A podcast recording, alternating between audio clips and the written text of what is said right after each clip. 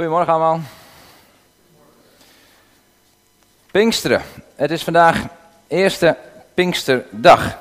En uh, even kijken. Hoera, het is Pinksteren. Dat is het thema waar we vanochtend met elkaar over nadenken. Hoera, de kerk is jarig. Hoera, de kerk is jarig. Ik zat over Pinksteren na te denken. En we gaan in de zomer gaan we een heel, heel uh, zes, zeven weken lang heel specifiek over de Heilige Geest hebben. Um, en natuurlijk gaan we het daar vandaag ook over hebben, want de Heilige Geest is onmisbaar. Uh, toch leg ik ook het accent een klein beetje op ons als kerk. Hoera, de kerk is jarig. En dat is leuk, en daarom hangen de slingers. Klaas zei het ook al, en lezen zo meteen het Pinksterverhaal. Maar ik weet niet hoe het bij jullie is, maar als ik jarig ben, dan zijn er altijd mensen die mij feliciteren. Dus ik weet niet, hebben jullie elkaar al gefeliciteerd? Dus feliciteer elkaar even, want we zijn toch allemaal jarig vandaag.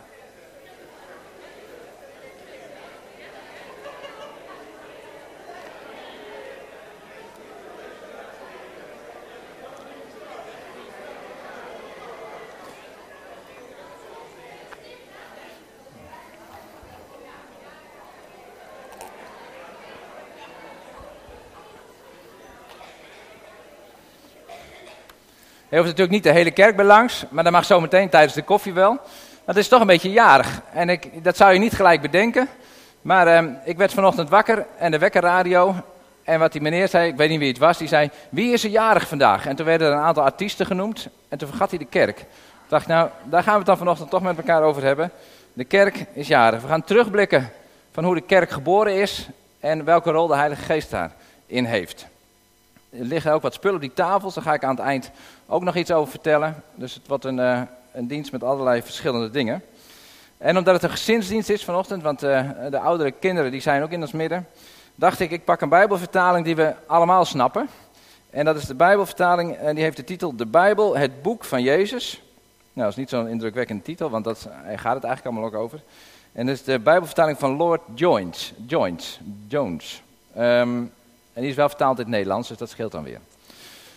Als ik de kinderclub heb, dan zeg ik, nou, ga even lekker rustig zitten. Je benen op de, uh, stoel voor je, of zoals dat lukt. Uh, tegen je moeder of je vader aangeleund, of de, de, willekeurige buurvrouw die naast je zit. En luister rustig naar het verhaal van het Pinksterverhaal, zou ik zeggen. Er staat bij mij boven, God stuurt hulp. Jezus' vrienden en helpers kwamen bij elkaar in een stoffige bovenkamer. Hoewel het buiten zonnig was, waren de luiken gesloten. De deur zat ook op slot. Wacht in Jeruzalem, had Jezus hun gezegd. Ik zal jullie een bijzonder geschenk geven. Gods kracht zal in jullie komen. Gods heilige geest komt eraan. Daar zaten ze dan, te wachten. Hoewel, eigenlijk waren ze meer bezig met bang zijn. Je kan het je ook niet kwalijk nemen. Hun beste vriend was vertrokken. De belangrijke mensen en leiders zaten achter hen aan. En Jezus had hun een taak gegeven waar ze eigenlijk weinig van snapten. En terwijl ze aan het wachten waren, baden ze en dachten ze na over hoe God vanaf het begin zijn geheime reddingsplan had uitgewerkt. Plotseling waaide een stevige wind door de kleine kamer. Hij vloog door de muren en deed de stro op de vloer ritselen. En kijk, op ieders hoofd waren vlammen te zien, flikkerend in het donker. Vuur dat geen pijn deed of verbrandde. En er gebeurde ook iets anders. In hun hart voelden ze een vreemde hitte, die al het koude en het harde deed wegsmelten. Die hun zieke harten weer beter maakte. God gaf hun gloednieuwe harten, harten die het heel goed deden. Hoe het ging wisten ze niet, maar ze begrepen dat Gods kracht hun harten in vuur en vlam had gezet. Jezus was zelf gekomen om in hen te leven. Ze hadden Jezus weg zien gaan, maar nu was hij dichterbij dan ooit in hun hart. En deze keer stond er niets tussen Jezus en hen meer in. Jezus zou er altijd zijn, bij hen, door zijn geest. Met zijn liefde. Hij zou ze telkens de belofte influisteren die hen zou bevrijden van het, van, van het gif en van de verschrikkelijke leugen en van de ziekte in hun hart. Gods wonderlijke belofte, namelijk, jij bent mijn kind en ik hou van jou. Ga in mij wonen, zoals ik in jou zal wonen, had Jezus gezegd. Kon dat? De hemel daalde neer in hun harten. Ze gooiden de luiken open. Het zonlicht stroomde door de kamer, net zoals de liefde hun hart was binnengestroomd. En de kleine kamer was vol blijde geluiden, dansende voeten, gezang, gelach. Ze haalden het slot van de deur en stroomden de straat op. En stormden de straat op, alsof ze nooit bang waren geweest. Peter sprak met luide stem, zodat iedereen het kon horen. Jezus stierf voor jullie, zei hij, omdat hij van jullie houdt. Maar God maakt, maakte hem weer levend. Hij heeft jullie gered. De mensen stonden stil. Ze luisterden. De woorden daalden op de bodem van hun hart en werkten als een medicijn. Zoals antigif werkt tegen het dodelijke gif. Of zoals een kus die je wakker maakt uit een diepe slaap. Stop met wegrennen van God, zei Petrus. Ren in plaats daarvan naar hem toe, zodat hij van je kan houden en je vrij kan maken. Petrus vertelde hun het wonderlijke verhaal van Gods liefde. Gods niet te stoppen, niet te stuiten, niet kapot te krijgen, eeuwige liefde. Dat Jezus was gekomen, ja, alles wat gebeurd was. Er waren veel buitenlandse mensen in Jeruzalem. Zij kwamen van ver en spraken een hele andere taal. Maar toen ze naar Petrus luisterden, konden ze allemaal verstaan wat hij zei. In hun eigen taal. Veel mensen geloofden hem. Ze werden Jezus' nieuwe vrienden en helpers. Ze verspreidden het wonderlijke nieuws van Jezus en zo verspreidde het zich als een vuurtje. Naar dorpen, plaatsen en steden. En elke dag geloofden er meer mensen. Zo groeide de familie van Gods kinderen, zijn speciale volk, Gods kerk.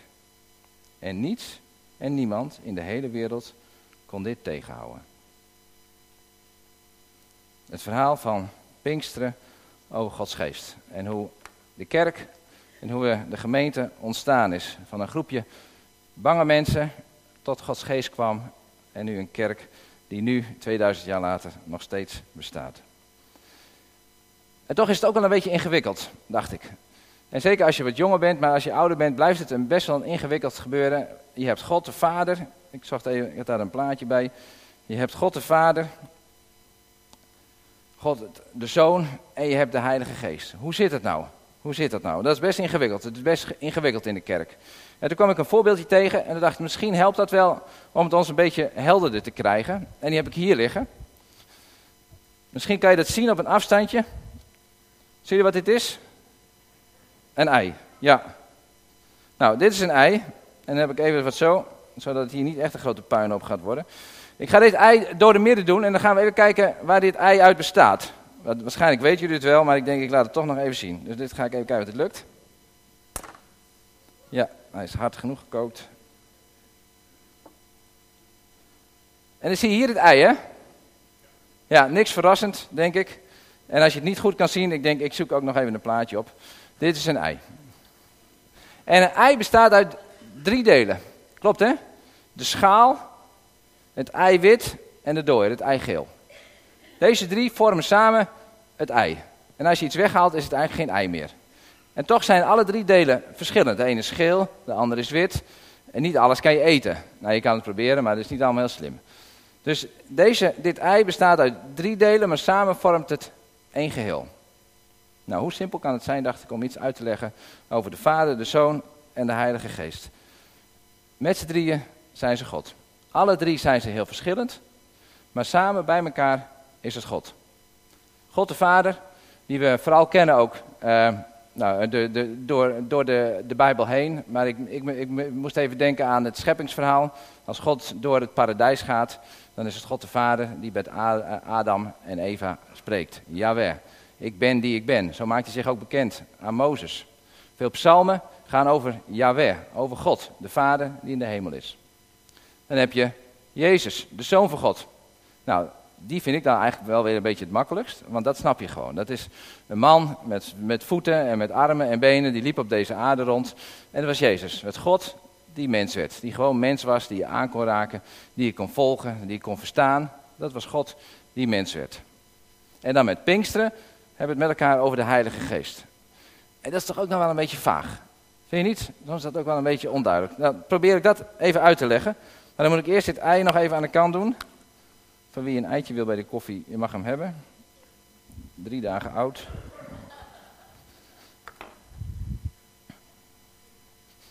Ik zal proberen iets meer over de Heilige Geest te vertellen. Van hoe moeten we dat nou zien? Wie van jullie heeft uh, de zon gezien afgelopen week? Nou, sommige mensen hebben de hele week geslapen. Nee, iedereen was wakker. Jullie hebben de zon gezien. Wie van jullie heeft de regen gezien? Ja, ook. En wie van jullie heeft de wind gezien? Dat is een beetje een strikvraag. Daarom stelde ik eerst die andere twee, want dan gaat automatisch de hand omhoog. Ja, dat is een beetje een strikvraag. Je kan de wind niet zien. Maar je kan wel zien wat de wind doet. Daarom heb ik hier een plaatje van. Hier heeft het heel hard gewaaid. En zeker als je hem dan op een biermer zet die een beetje uittrekt, dan is het, waait die boom bijna om. Maar hier waait die wind heel hard. En je kan wel de gevolgen van de wind zien, maar de wind zelf kan je niet zien. Die is onzichtbaar. Je kan hem wel voelen en je kan inderdaad dingen zien bewegen, maar de wind zelf kan je niet zien. En zo is het ook met de Heilige Geest. Nou, dat je hem niet kan zien, vinden we eigenlijk wel een beetje gek. Maar eigenlijk zouden we het helemaal niet gek moeten zien. Want wie van jullie, als je goed kijkt, wie van jullie ziet de wifi-signalen hier? Ja, sommigen zien hem, maar ook weer niet. Nee. Of het G4-netwerk. Nee. Dus heel veel dingen zien we niet, maar we weten toch gewoon dat ze er zijn. Ik was laatst bij, bij de dokter, die moest mijn, eh, mijn, mijn hart meten. Moest, dan plakte die hier stickers en toen zei ik, nou volgens mij zit mijn hart hier hoor. Maar nou ja, ze kon het ook niet zo goed vinden. Um, toen dacht ik, maar dat is wel zo. Maar ik heb mijn hart nog nooit gezien. En toch, ja, klopt het, werkt het allemaal. Dus ik heb mijn hart niet gezien, ik weet dat ik hem heb. Nou, er zijn er heel veel dingen die we niet zien. En dat vinden we de normaalste zaak van de wereld. Nou, dat we de Heilige Geest niet zien, is eigenlijk de normaalste zaak van de wereld. De Heilige Geest is niet te zien, maar hij is er wel. Hij is onzichtbaar, net als heel veel andere dingen. En wat doet. En de, de Heilige Geest wordt wel vergeleken met de wind. We hebben het verhaal gelezen van Pinksteren. En dan zijn ze aan het bidden en dan komt er ineens een windvlaag komt door het huis heen. De deur zit op slot, de luiken zijn dicht. En toch door alle kieren heen komt de wind, komt de Heilige Geest. Want de Heilige Geest, nu net als de wind, zet de boel in beweging. En dat doet de wind ook. De wind zet heel veel dingen in beweging en dat is heel erg handig. Want als je aan het kitesurfen bent, of aan het surfen, of aan het zeilen, of aan het fietsen voor de wind, dan is het echt heel handig. Want dan brengt de wind daar waar je naartoe wil en de wind zet de boel in beweging. De Heilige Geest kun je ook wel zeggen, dat is de beweger. Die zet de boel in beweging. En wij weten dat heel goed. Want er komen steeds meer van dit soort windmolens. Omdat we energie nodig hebben, duurzame energie nodig hebben. En het zit eigenlijk gewoon al op deze wereld. Kunnen we makkelijk krijgen. En de wind die brengt de energie, die brengt de boel in beweging. En als de wind komt met Pinksteren, als de Heilige Geest komt met Pinksteren, dan brengt hij heel veel in beweging. En dat zien we ook in het Pinksterverhaal de, van een groepje bange mensen waar de Heilige Geest komt. Die gaan naar buiten. Petrus heeft een heel verhaal. En honderden mensen komen tot geloof. En zo is de kerk geboren. Dankzij de komst van de Heilige Geest die de boel in beweging brengt. En dan denken wij vaak dat de Heilige Geest komt met een heleboel lawaai, met een heleboel triomf, met een heleboel zaken. En dat lijkt op Pinkster ook wel een beetje zo. Want als in tongen spreken en vuur en storm komt erbij en er gebeurt een heleboel. Uh, en toch is dat niet altijd zo. Het staat ook ergens niet door kracht, nog door geweld, maar door mijn geest, zegt de Heer. En als Elia op een berg zit en hij wil God ontmoeten, dan is het niet in de storm, maar dan is het in de bries waar God zich kenbaar maakt. Want het mooie is, we vieren wel dat Gods geest met Pinksteren naar de wereld kwam. Maar eigenlijk was de geest er ook al wel iets eerder ook. En dat kun je lezen in Johannes 20. En dan moet je even de context daarvan weten. Dat is eerste paasdag. Dus dat is de dag waar Pinkster en Pasen op dezelfde dag vallen, zou je eigenlijk kunnen zeggen. Jezus stond op uit de dood. En wat komt er dan? De discipelen die zijn, zijn bang. En dan komt Jezus bij de leerlingen die uh, in een huis zitten en die de boel op slot hebben, want die zijn bang, hey, er gaat helemaal enge dingen gebeuren. Lijkt wel een beetje met Pinksteren. En de leerlingen waren blij toen ze de Heer Jezus zagen. En Jezus zei opnieuw tegen hen, dat had hij ook al eerder gezegd, ik wens jullie vrede toe, ik wens jullie shalom toe, ik geef je shalom. Zoals de Vader mij gestuurd heeft, zo stuur ik ook jullie. En wat doet hij dan? Dan blaast hij op hen en hij zegt, ontvang de Heilige Geest. Hij zegt tot twee keer toe, shalom, vrede. En wat doet hij? En hij blaast de geest over de mensen heen. En dat vind ik heel mooi, want zo koppelt, koppelt uh, Jezus de, het shalom, de vrede, aan de komst van de Heilige Geest. Soms is het een heel spektakel met de Heilige Geest, maar misschien in het begin wel is het juist heel stil en heel rustig en heel zacht. Want dat is wat, wat, wat Jezus doet. Hij blaast de geest op zijn leerlingen. En dan komt de geest in de leerlingen, in de bange harten, in de harten die uh, verdrietig zijn, die niet weten wat er allemaal gebeuren moet. En daar komt Gods geest in alle rust. In de Bijbel vind je ook het woord wind en geest en adem. Dat zijn heel vaak dezelfde woorden. En dan moet je in de context kijken welke vertaling je daaraan geeft. In het Oude Testament is het ruach en in het Nieuwe Testament is dat pneuma. Dus het zijn, die woorden zijn gelijk. Dus je, waar er staat adem of geest of wind, dan moet je goed kijken wat er staat en het heeft vaak met elkaar te maken. Maar het mooie vind ik, dat als Gods geest daar komt, dat hij in alle rust komt en dat hij shalom geeft. Dat hij vrede geeft. En ik denk dat is misschien wel het eerste wat Gods geest doet in jou en in mijn leven. Hij geeft vrede, hij geeft rust. Als Gods geest over de woest en ledige adem, eh, aarde waait, dan brengt hij orde en dan brengt hij rust en vrede. Dan brengt hij shalom in jouw leven en in mijn leven. En zo ervaar ik dat zelf ook. Ik, ik moest in het voorbereiden daar ook even aan denken. Ik was vrijdag druk bezig geweest met het voorbereiden van dit hele verhaal. En ik was helemaal klaar. En s'avonds om 11 uur uh, was de, nou, de, laatste hand eraan, een mooie PowerPoint gemaakt. En ik dacht even wat drinken. En wat deed ik met mijn niet heel handige hand? Ik gooide dat over mijn laptop heen. Nou, dat is niet leuk. Nee, dat is echt niet leuk. Dus um, niks aan de hand. Het ging rustig verder. En ik snel de laptop een beetje zo. Er ging ook niet alles overheen, dus het viel wel mee. En toen uh, uh, ging ik weg. En toen deed mijn laptop het niet meer. En het is heel handig om alles in de cloud te bewaren. Dat is echt heel handig. Dat moet je altijd doen. Dat had ik niet. Dus het stond gewoon op mijn. Maar ik denk, er is vast zegen op deze preek. Dat komt vast goed. Dus zaterdagochtend, ik was gisteren de hele dag weg. We waren pas om 11 uur thuis. Uh, dus gisterochtend de laptop aanzetten. En denk, nou, dit is nog niet het moment. Dit zou, ik dacht ook, het zou wel mooi zijn als Gods geest zo werkt. Dan kan ik hier een mooi verhaal vertellen. Dat Gods geest komt en dat dan de preek weer boven water komt. Maar de laptop deed niet. Dus, nou, het, de hele dag weg. En uh, s'avonds om 11 uur zou ik de laptop weer aanzetten. Maar Rianne was er even mee bezig geweest. En, en Wietse hadden gekeken. Maar dat was echt het stomste wat je kan doen. Is een laptop aanzetten die nat is geweest. Want dan krijg je sowieso kortsluiting. Dus ik dacht, heer, dit is wel mooi als u nou, dit gaat werken. Maar het werkte niet. Het was er niet. En toch werkte Gods geest, merkte ik. Want normaal gesproken zou ik best wel een beetje lopen stressen. En denk oh jakkes, wat moet er nou allemaal gebeuren? Maar ik merkte wel, Gods geest, is rustig, het is goed zo. Het is allemaal best. Dus um, uh, hij heeft me wat eh, extra nachtrust gegeven dan in een korte tijd die ik dan had. Dus nu kon ik mijn verhaal maken. Maar ik vond het wel mooi dat Gods geest, die doet soms niet altijd wat wij willen. In de chaos van je leven, in de moeite van je leven. Hij neemt die pijn en moeite niet altijd weg. Dit wil ik eigenlijk als voorbeeld daarvoor gebruiken. Maar hij kan wel rust en vrede in je leven geven. Hij kan wel laten zien dat hij er is. En hij wil je laten zien dat hij van je houdt en dat hij er voor je zijn wil. En ik denk als ik aan jullie vraag van, ken je de Heilige Geest op die manier? Dat hij je van binnen rustig maakt, dat hij je laat merken dat je een kind van God bent, dat hij er voor je is, dan denk ik dat heel wat handen omhoog gaan. Is dat zo? Kennen jullie de Heilige Geest zo? Zie? Misschien iedereen, het hoeft ook niet. Maar als je dat nog niet weet. Maar we zien hier gewoon Gods geest werkt. Want hij, al die handen die omhoog gaan, dat is wat Gods geest doet. In alle rust, in alle vrede, komt hij om ons pijn en om ons verdriet, uh, om ons te troosten, om shalom te brengen, om vrede te brengen. En niet altijd om het ineens te veranderen, onze ziekte, onze pijn weg te nemen, onze computerproblemen op te lossen. Um, maar dat komt misschien wel. Misschien krijg ik nog weer eens een nieuwe laptop, dacht ik. Nou, dat is dan ook weer mooi. Maar uh, dan moet ik wel eerlijk opbiechten wat het fout gegaan is. Dus hij komt in rust en hij komt in vrede. En toen is die Pinksterkerk en toen is die gemeente gestart. En toen dacht ik, maar het is goed dat de kinderen ook bij ons zijn. We vieren nu dat de kerk jarig is, maar hoe oud is de kerk eigenlijk? Dan heb ik een beetje opgezocht. In het jaar 30 of 33, maar laten we van 30 uitgaan, was het voor de eerste keer Pinksteren. Hoe oud is dan de kerk?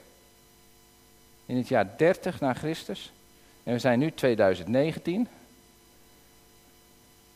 Ja, dan moet je er doorheen, hè, door die 2000 heen rekenen. Uit je hoofd rekenen. Wie weet het? Ja, daar achteraan. 1989? Ja, dat zei je, hè? Ja. 19, we zijn 1989 jaar oud als kerk. Dat is best een boel, hè? Want wie, wie van jullie is hier ongeveer 85, 89, 86, 87? Daar zit er eentje, daar geloof ik niks van. Ja, dat zijn een paar mensen die zijn wel zo oud, ja. En dan is de kerk nog eens 1900 jaar ouder.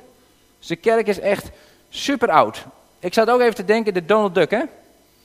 Hoe, hoe oud is de Donald Duck? 50, bijna 60 jaar oud is de Donald Duck. Nou, 85? Nou, 85, dat mag ook. Nou, dan is de kerk is nog veel, veel ouder dan de Donald Duck. De pindakaas, ik heb het even uitgezocht. Pindakaas is van eh, eind 1800.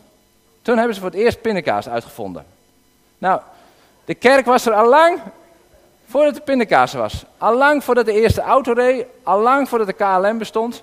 Echt waar. En het Koninkrijk der Nederlanden, zoals het nu is, is nog maar 200 jaar oud. En we hadden ook nog een republiek van de zeven republieken enzovoort. Nou, die zijn dan vanaf 1588, heb ik mij laten vertellen. Het stelt allemaal niks voor. De kerk is echt veel, veel ouder. En dan denken we, die moslims, die doen ook al lang mee. Die zijn maar 1400 jaar. Echt waar? Ja. En wij zitten op 1900. 1986. Nou, de kerk is echt super oud. En dat is echt hartstikke leuk om te weten. En toen de kerk begonnen is, zoveel jaar geleden, is het over de hele wereld gegaan. Er zijn Russisch-orthodoxe christenen. Nou, die mensen schrikken helemaal wild als ze in deze kerk zitten en wij in die van hun, maar dat zijn ook christenen. Katholieken over de wereld. Er zijn evangelische kerken die nog veel bonter maken dan wij. Er zijn zo verschillende kerken over deze hele wereld. In Noord-Korea, in het verborgene, uh, in, in hele christelijke staten. In die bijna 2000 jaar is de kerk gegroeid van één kerkje tot groter, groter, groter, groter over de hele wereld. En in Drachten heb je al een heleboel kerken. De Oase, de Bethelkerk, de Rooms-Katholieke kerk, de Dooms, Doopsgezinde kerk en zo nog een heleboel. En het komt niet omdat wij van die supermensen zijn en zo'n kerk even overeind kunnen houden. Juist niet. Het is Gods geest die ervoor gezorgd heeft dat die kerk nog steeds bestaat. De kerk is heel vaak vervolgd geweest en toch bestaat de kerk. En toch gaat de kerk door. De kerk heeft hele domme dingen gedaan, zelf domme dingen gedaan, door weet ik wat voor rare dingen. En we hoeven niet eens heel zo ver weg. Gebeurt allemaal. En toch blijft de kerk bestaan. De kerk is ijzersterk. De kerk is onsterfelijk, zou je kunnen zeggen. En dat komt omdat God zijn geest erin geblazen heeft. De, de, de geest die het eeuwige leven geeft. De kerk zal altijd blijven bestaan. Ja, hoe dan, denk ik dan? Hoe dan? Doet, hoe doet Gods geest dat dan? Nou, dat probeer ik je een beetje duidelijk te maken met een paar voorbeelden. En dan uh, gaan we straks naar die kaartjes over. Wat doet de Heilige Geest dan om ervoor te zorgen dat die kerk zo sterk is? Nou, de Heilige Geest doet een paar dingen. In de eerste plaats is het de Heilige Geest, dat zie je. De Heilige Geest die weet alles van God, de Vader en van Jezus. Waarom? Omdat hij God zelf is. Als je iets over mij wil weten, dan kan je Mea vragen, je kan mijn kinderen vragen, mijn moeder vragen, je kan verschillende mensen om je heen vragen. Als je iets van God wil weten, van Jezus wil weten, dan moet je naar de Heilige Geest gaan. Die weet echt alles van God. Dus de Heilige Geest weet alles van God. En waar staat dat? Onder andere in 1 Korinthe 2, vers 10 en 11. En nu heeft God aan ons zijn plan bekendgemaakt door zijn geest. Want Gods geest weet alles. Hij weet ook de diepste gedachten en plannen van God. Wie kan weten wat er diep in de gedachten van een mens leeft? Dan kan toch alleen zijn eigen geest. Zo weet ook alleen Gods eigen geest wat er in God is. Dus als we iets van God willen weten in deze kerk, dan moeten we maken dat we dicht bij de Heilige Geest zijn. Dan moeten we naar de Heilige Geest. En de Heilige Geest, die helpt ons ook om dat van God te vertellen. Omdat jullie bij me horen, zegt Jezus, zal de Vader jullie straks de helper sturen. Hij is de Heilige Geest. Hij zal jullie alles leren en alles helpen herinneren wat ik tegen jullie heb gezegd. En daarom hebben we hier ook een Bijbel. En zijn we bezig, is de Bijbel ook zo belangrijk voor ons. Want daarin staat beschreven wie God is, wie Jezus is en wie de Heilige Geest is. En je kan heel veel in die Bijbel lezen, maar ik vind het best lastig. Maar de Heilige Geest wil ons helpen om juist die Bijbel steeds beter te begrijpen. Want Hij weet wie God is, Hij is God zelf. En als we goed luisteren naar de Heilige Geest, dan leert Hij wie God is. En zo gaat Gods geest rond, hier rond, dat hebben we gezien, maar hij gaat rond in Drachten, hij gaat rond door de hele, wereld, want Gods geest is er voortdurend op uit om te vertellen over wie Jezus is en wie God is. Hij is bezig in de huizen, in onze buren, in de familie, hij is voortdurend bezig om dat te vertellen. En daar mogen wij ook op inhaken. Wij, het hangt niet van ons af dat, dat God bekend wordt gemaakt. Nee, het is Gods geest die dat doet. En het kan zomaar zijn dat Gods geest bezig is in de familie van ons, in de buren van ons. En als die wat opmerken, dat we daarop in mogen haken. Want Gods geest waait overal. Nou, hij kent ons, maar hij kent jou en mij ook. Hij kent ons ook. Hij weet ontzettend goed wie jij bent. En waarom? Vergeet niet dat jullie de tempel van God zijn. In die tempel woont Gods geest. Als jij je openstelt, dan wil Gods geest in jou komen wonen. En die wil in jou zijn. En die kent jou heel goed. Als je verdrietig bent, als je pijn hebt, als je moeite hebt, eh, maar ook als je vreugdevolle dingen hebt. Gods geest weet het allemaal. Want als jij je openstelt, dan wil Gods geest in jou komen en jou niet alleen zien hoe het met jou gaat, maar hij wil je ook langzamerhand veranderen. Want hij is de geest van Jezus en als die in jou komt, dan wil hij langzamerhand dat jij steeds meer op Jezus gaat lijken. Dat snappen we niet allemaal, maar Gods geest die snapt Jezus wel en die wil jou veranderen van binnenuit. En zo is Gods geest, klopt hij naar ieder, komt hij bij ieder mens aan en zegt, ik wil over Jezus vertellen en ik wil graag bij jou wonen. Hij wil dus God en jou bij elkaar brengen. En dat geldt niet alleen voor jou, maar dat geldt ook voor degene die voor jou zit, die achter jou zit. Dat geldt voor iedereen. En wat wil Gods geest nou? Hij wil niet dat we allemaal individuen mensen zijn, maar hij wil ons samenbrengen. Samen tot één lichaam. Dat staat in 1 Korinthe 12, daar hebben we bij die themazondagen bij stilgestaan. Want een lichaam is één geheel, maar bestaat wel uit verschillende lichaamsdelen. Al die lichaamsdelen vormen samen één lichaam.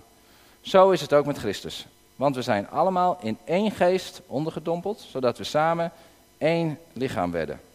Het maakt niet uit of we Joden zijn of van een ander volk zijn. Het maakt ook niet uit of we slaven zijn of vrije mensen. We zijn allemaal vol van diezelfde geest. Dus we zijn niet allemaal individuele christentjes. Nee, we horen bij die ene gemeente en Gods geest die brengt ons samen. Dus we zijn niet bij elkaar, nee, we zijn niet los van elkaar, maar Gods geest brengt ons samen omdat hij jou kent, omdat hij mij kent en omdat hij God kent. En wil hij ons samenbrengen en zo zijn we samen kerk. En omdat hij weet hoe het met jou gaat en omdat hij in mij woont, kan het zomaar zijn dat hij mij iets duidelijk maakt. Zegt van, hé, hey, stuur eens een kaartje naar die. Of doe eens een belletje naar die. Of als ik, als ik aan het, eh, deze, deze preek aan het voorbereiden ben, dan ben ik ook bezig van wat, wat, wat, wat hebben mensen nodig? Wat kan ik vertellen?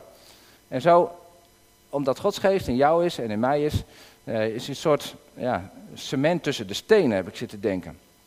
Zo vormt hij ons samen en hij is degene die ons samen bindt en ons aan elkaar hecht.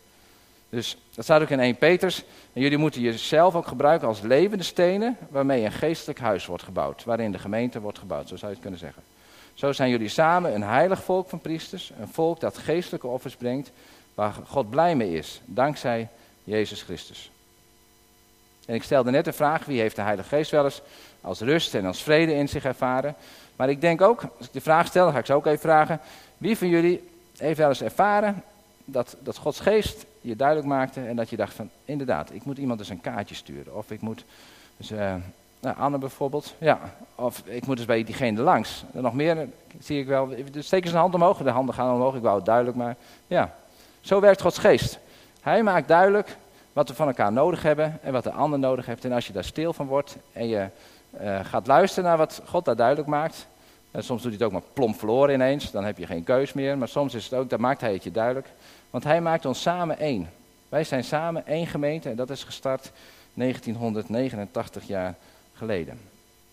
En zo heel praktisch in het dagelijks leven is het God die werkt. En zo heeft hij verschillende gaven en talenten en bedieningen gegeven, daar hebben we het de afgelopen week al over gehad, om elkaar toe te rusten, om de gemeente op te bouwen.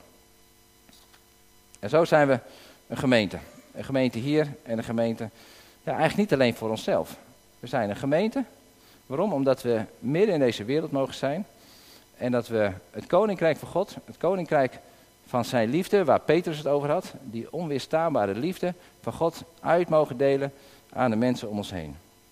En ik moet zeggen, toen ik dit plaatje had, toen zocht ik nog naar een vorm van een kerkgebouw eromheen. Toen dacht ik, oh, dat, dan kan ik dat mooi aangeven, dat is de kerk. En zeg ik, nee, dat moet ik niet doen. Want dan gaan we het weer inkaderen en zeggen we, dit is precies de kerk. Dit zijn de mensen die erin passen en dit zijn de mensen die er niet in passen. De kerk is daar waar we samen zijn rond Jezus Christus. En waar Gods geest ons samenbrengt, daar zijn we kerk. Daar, is, er hoeven geen muren omheen, dat hoeft niet. Daarom kun je met Pinksteren en bij opwekking allemaal uh, feest vieren met elkaar. Kun je op andere plekken gewoon kerk zijn met elkaar. Het is niet de kerkstructuur die het bepaalt, maar het is de geest die ons samenbrengt in deze wereld om juist de boodschap van Jezus en de liefde van God te delen met elkaar. En dan kom ik bij die tafel uit. Want ik denk, als je jarig bent, wie, wie van jullie krijgt er wel eens een kaartje als je jarig bent? Ja, niet iedereen. Nou, dat zou moeten veranderen. Het is wel heel leuk om een kaartje te krijgen. Het is ook heel leuk om een kaartje te geven aan elkaar. Nou, dat gaan we zo meteen doen. We hebben nog uh, even tijd ervoor. Dat is ook heel erg leuk. Toen jullie binnenkwamen, toen heeft um, iedereen zijn naam op een briefje geschreven. Klopt dat? Wie heeft dat niet gedaan? Er zijn een paar mensen die dat niet gedaan hebben. En die krijgen nog een leeg briefje. Even kijken waar die briefjes zijn. Meer zou. Uh... En dan ga ik ondertussen even uitleggen hoe het zit. En uh, Joran en uh, Matthias en Irma die helpen ook even mee. Zorg nog even dat je je naam even op een briefje schrijft. Die zitten in die mandjes.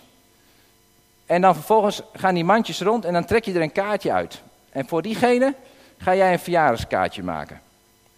Ja, die kaartjes liggen hier, liggen daar. En achterop die ronde tafels liggen de kaartjes.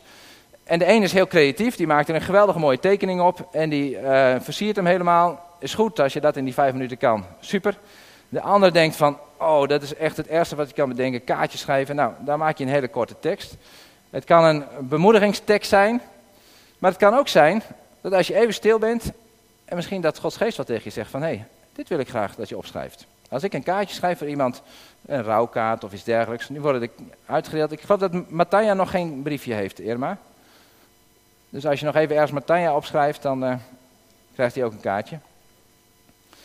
Als ik kaartjes schrijf, dan wil ik er altijd even rustig over nadenken. En dan denk ik, nou, dit is goed om dat erop te schrijven. Dus misschien goed om even na te denken, wat zet je erop? Um, maak het niet te ingewikkeld, doe er ook niet te moeilijk over, daar gaat het me niet om. Maar je krijgt een naam van iemand en schrijf er even iets voor. Wat ik er wel bij zeg, tenminste, moet je op een verjaardagskaartje doe je dat ook nooit. Je gaat nooit even ongezouten kritiek geven. Daar is dit kaartje natuurlijk niet voor bedoeld. Van die lelijke jurk die je aan had vandaag, wil je die gewoon nooit meer aan hebben of zo. Ja, dus het gaat niet om kritiek. Het gaat juist om iets moois, om dat aan elkaar te delen en elkaar te feliciteren. Waarom, uh, nou ja, waarom zo blij zijn met elkaar. Ook de kinderen van groep 1 en 2, die doen ook mee. Die hebben ook al een paar namen gekregen. Dus het kan ook zijn dat je van die kinderen een naam krijgt.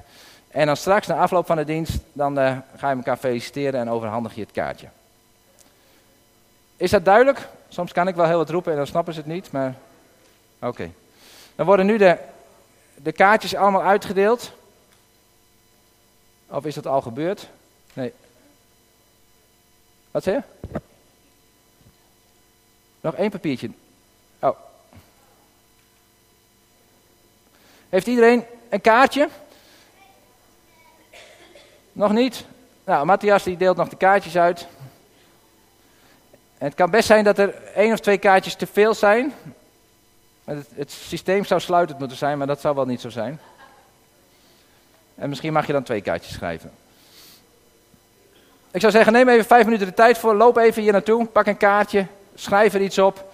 En na afloop van de dienst geef je het aan die ander. Dus dat hoef je nog niet te doen. Maar uh, ondertussen draait er een muziekje en dan sluiten we dan de dienst af.